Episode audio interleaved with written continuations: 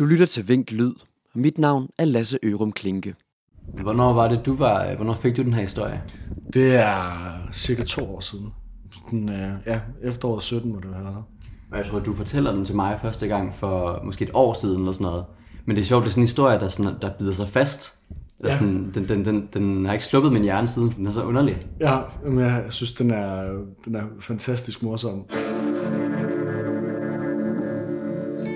Hvad er en røverhistorie egentlig?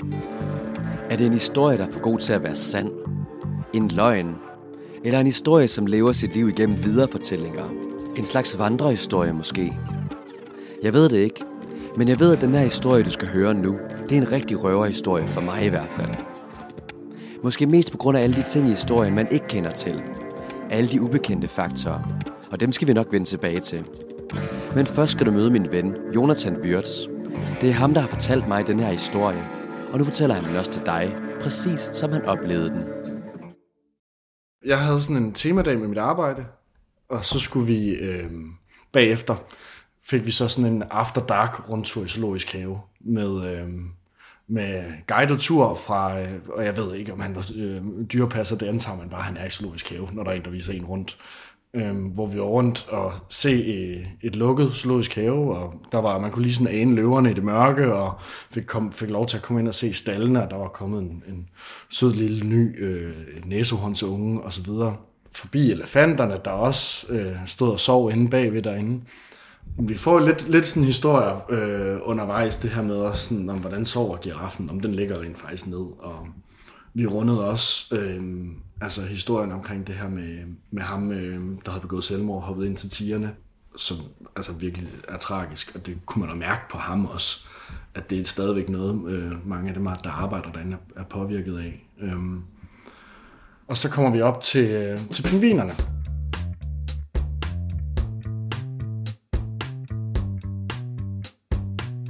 Først så er det sådan, han siger sådan, I skal ikke lige gå for tæt på vores guide, fordi der, der er noget pigtråd rundt om her, så er sådan, pigtråd, hvor, hvorfor fanden er de hegnet ind? Ikke så er sådan, ah, det, øh, vi har haft lidt problem med rev nogle gange, har taget en pingvin. Og sådan, nå okay, jamen, det giver jo meget god mening. Og så, øh, så fortæller han os den her historie.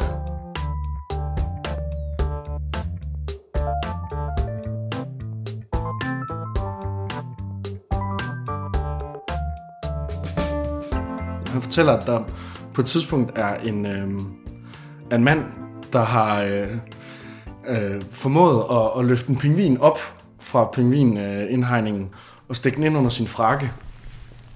Og øh, faktisk kom hele vejen ud af zoologisk have med den også. Hvorefter han har sat sig på en bus. Og så har han, øh, så han taget den her bus øh, hele vejen ud til Amager. Ud til sit stamværtshus, hvor han jo så har øh, stolt stillet en pingvin på bordet derude. Og jeg mener også, at, at det er sådan, at, at bartenderen jo må ringe til Zoologisk Have og sige sådan, jeg, jeg tror, vi har noget, der tilhører jer. Øh, vi ikke godt komme og hente det? Dyrepasseren der til, altså, tilknytter også til historien, at det er ret imponerende. En ret imponerende bedrift, fordi pingviner typisk, hvis du vil løfte dem op, vil nappe dig. Så at han har lykkedes med at komme hele vejen derud, det, det er en hammerende god historie. Men øh, vi, var, vi var flade af grin over det. Jeg har bare tænkt, det er en skide god historie, den fortæller jeg dig videre til alle, alle, for jeg selv synes, det er så skide sjovt.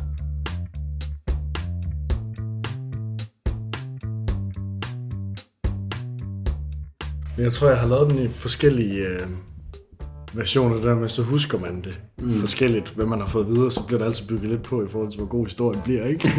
ja, det er det. Men det er jo, så det er jo de bedste historier, det er jo sådan, man bygger Ja. på. Ikke?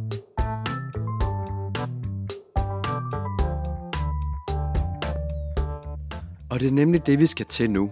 Vi skal bygge på.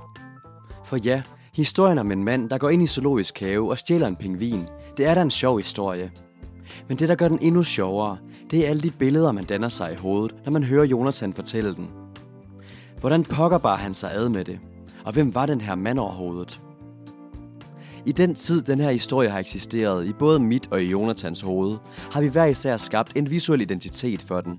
Og det er den, vi nu vil dele. For en historie er vel ikke en rigtig røverhistorie, uden at man pynter lidt på den, er den vel?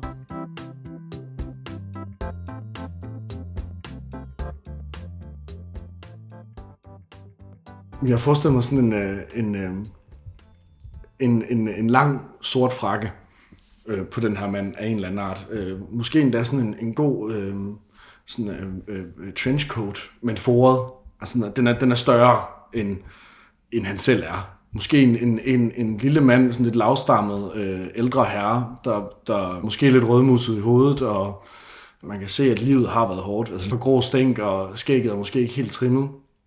Og så har han et halsterklæde på, I ved, der, der sådan er bundet. Øhm, ikke sådan, man, man binder det sådan rundt øh, med en knude foran, men det der, hvor man lige sådan laver en cirkel i den ene side, og så trækker øh, de to ender ud af det. Sådan, for, sådan forestiller jeg mig. Og måske en sixpence. Det kunne han godt have også. Øhm, det forestiller måske også sådan et par, par meget kassede bukser, mm. og så et par lædersko. Et par gode sko. Ja. Altså, dem har han haft i mange år. Altså, en, en, en velklædt posemand af en eller anden art. Altså, jeg tror, han har været øh, en, en af dem, vi, vi en, en, man vil kalde en kærlig særling.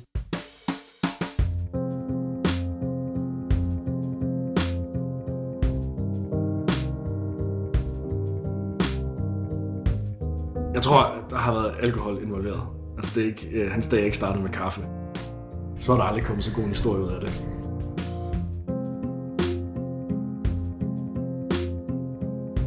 En pingvin er sådan...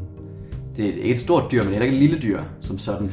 Det er også en stor frakke, tænker jeg. Det, er, det må være en stor frok, altså der skal være plads til en pingvin inden, som han kan snige med ud, ikke? Jo, og den er jo ikke, den er jo heller ikke, øh, det er jo ikke sådan ligesom en, en anden fugl, hvor den måske er lidt klein inde bag alle fjerne. Det, den, den er jo den er meget fast i sin form. Forestil mig, har aldrig rørt ved en pingvin, men, men det, ser- den ser meget glat ud. Mm. Jamen, jeg, får, jeg, altså jeg forestiller mig, at der er sådan en, lo- en lomme, han putter den ned i. En sådan stor inderlomme, den vi kan, kan sådan have benene ned i. Ja, han må, han må have haft sådan et eller andet, eller også han, har, har, han holdt den i sådan et Napoleonsgreb, sådan ind under, hvor, hvor armen ligesom er ført ind under den anden side af jakken, og så han holdt den under der. Ja. Det, øh, det, ja, det, det er meget, meget mærkeligt. Og jeg tror, altså, det var også det dyrpasseren gav, gav udtryk for. Altså, sådan, det, det var, han var meget imponeret over det der, vi rent faktisk kunne være lykkedes.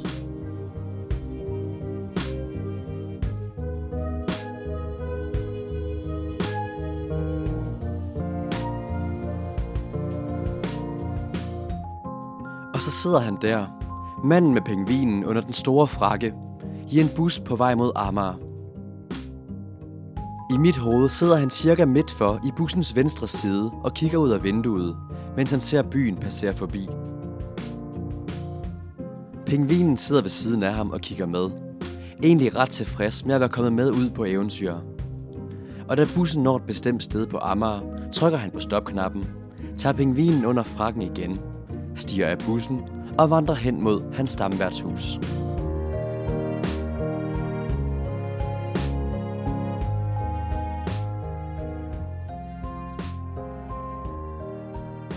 Altså, jeg, tænker, jeg, jeg kan kun tænke på jaguaren. Ja. det er det eneste sted, jeg tænker på. Det er sjovt, jeg har øh, i, i mit hoved, der har jeg vinstuen. Jeg ser sådan, når, når jeg sådan ser, øh, visualiserer det for mig, så ser jeg, at han går ind på vinstuen.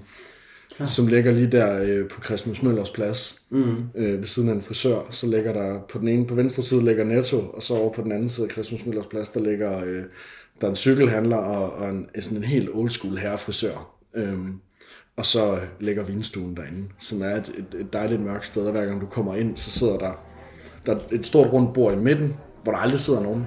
Og så er der sådan fem hjørneborde, hvor stamgæsterne sidder ved hver deres bord, måske med en avis hver, og så sidder der en i baren. Så det, de der stamgæster, de sidder så altid og argumenterer henover midterbordet, og jeg, jeg ser simpelthen det for mig, at det er der, han sætter sig ind. Han sætter sig ved midterbordet. Jamen, jamen, han kommer ind på den bar, og så stiller han en pingvin derinde, ikke? og så sætter han sig over, hvor han plejer at være, så han glemt alt om pingvinen.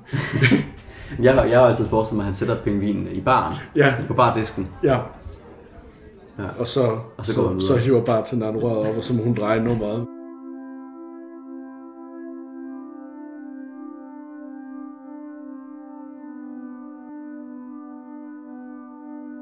Det der med, med tiden, altså hvis det kan have været 90'erne eller 80'erne eller 70'erne, altså det kan gøre meget ved, hvordan den her historie den reelt har udspillet sig. Det er det.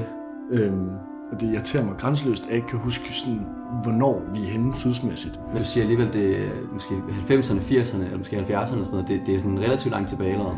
Altså, det, det vil jeg gætte på. Jeg forestiller mig ikke, det er sket inden for de sidste fem år. Fordi i, altså, i dag vil du ikke tage en bus fra Zoologisk Have til Amager hele vejen. Det virker usandsynligt, at man tager, tager bussen hele vejen til Amager i dag, ud fra Zoologisk Have. Mm, ja. Der vil være nemmere måde at komme derud, tænker jeg.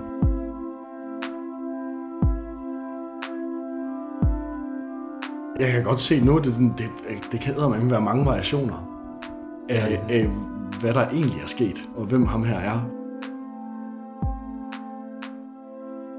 Jeg har overvejet meget, om jeg skulle forsøge at finde ud af, hvad der reelt er sket i den her historie. Skulle jeg ringe til Zoologisk Have og få det bekræftet eller afkræftet? Eller skulle jeg gå fra bar til bar på Amager for at spørge, om der nogensinde er kommet en mand ind med en pingvin under frakken? Men et eller andet sted har jeg faktisk ikke haft lyst til at finde ud af det. Jeg har lyst til, at den røverhistorie, som det er, og som måske kun har en lille grad af sandhed i sig, får lov at leve videre. For når en historie er for god til at være sand, er det så ikke sjovest bare at tro på den?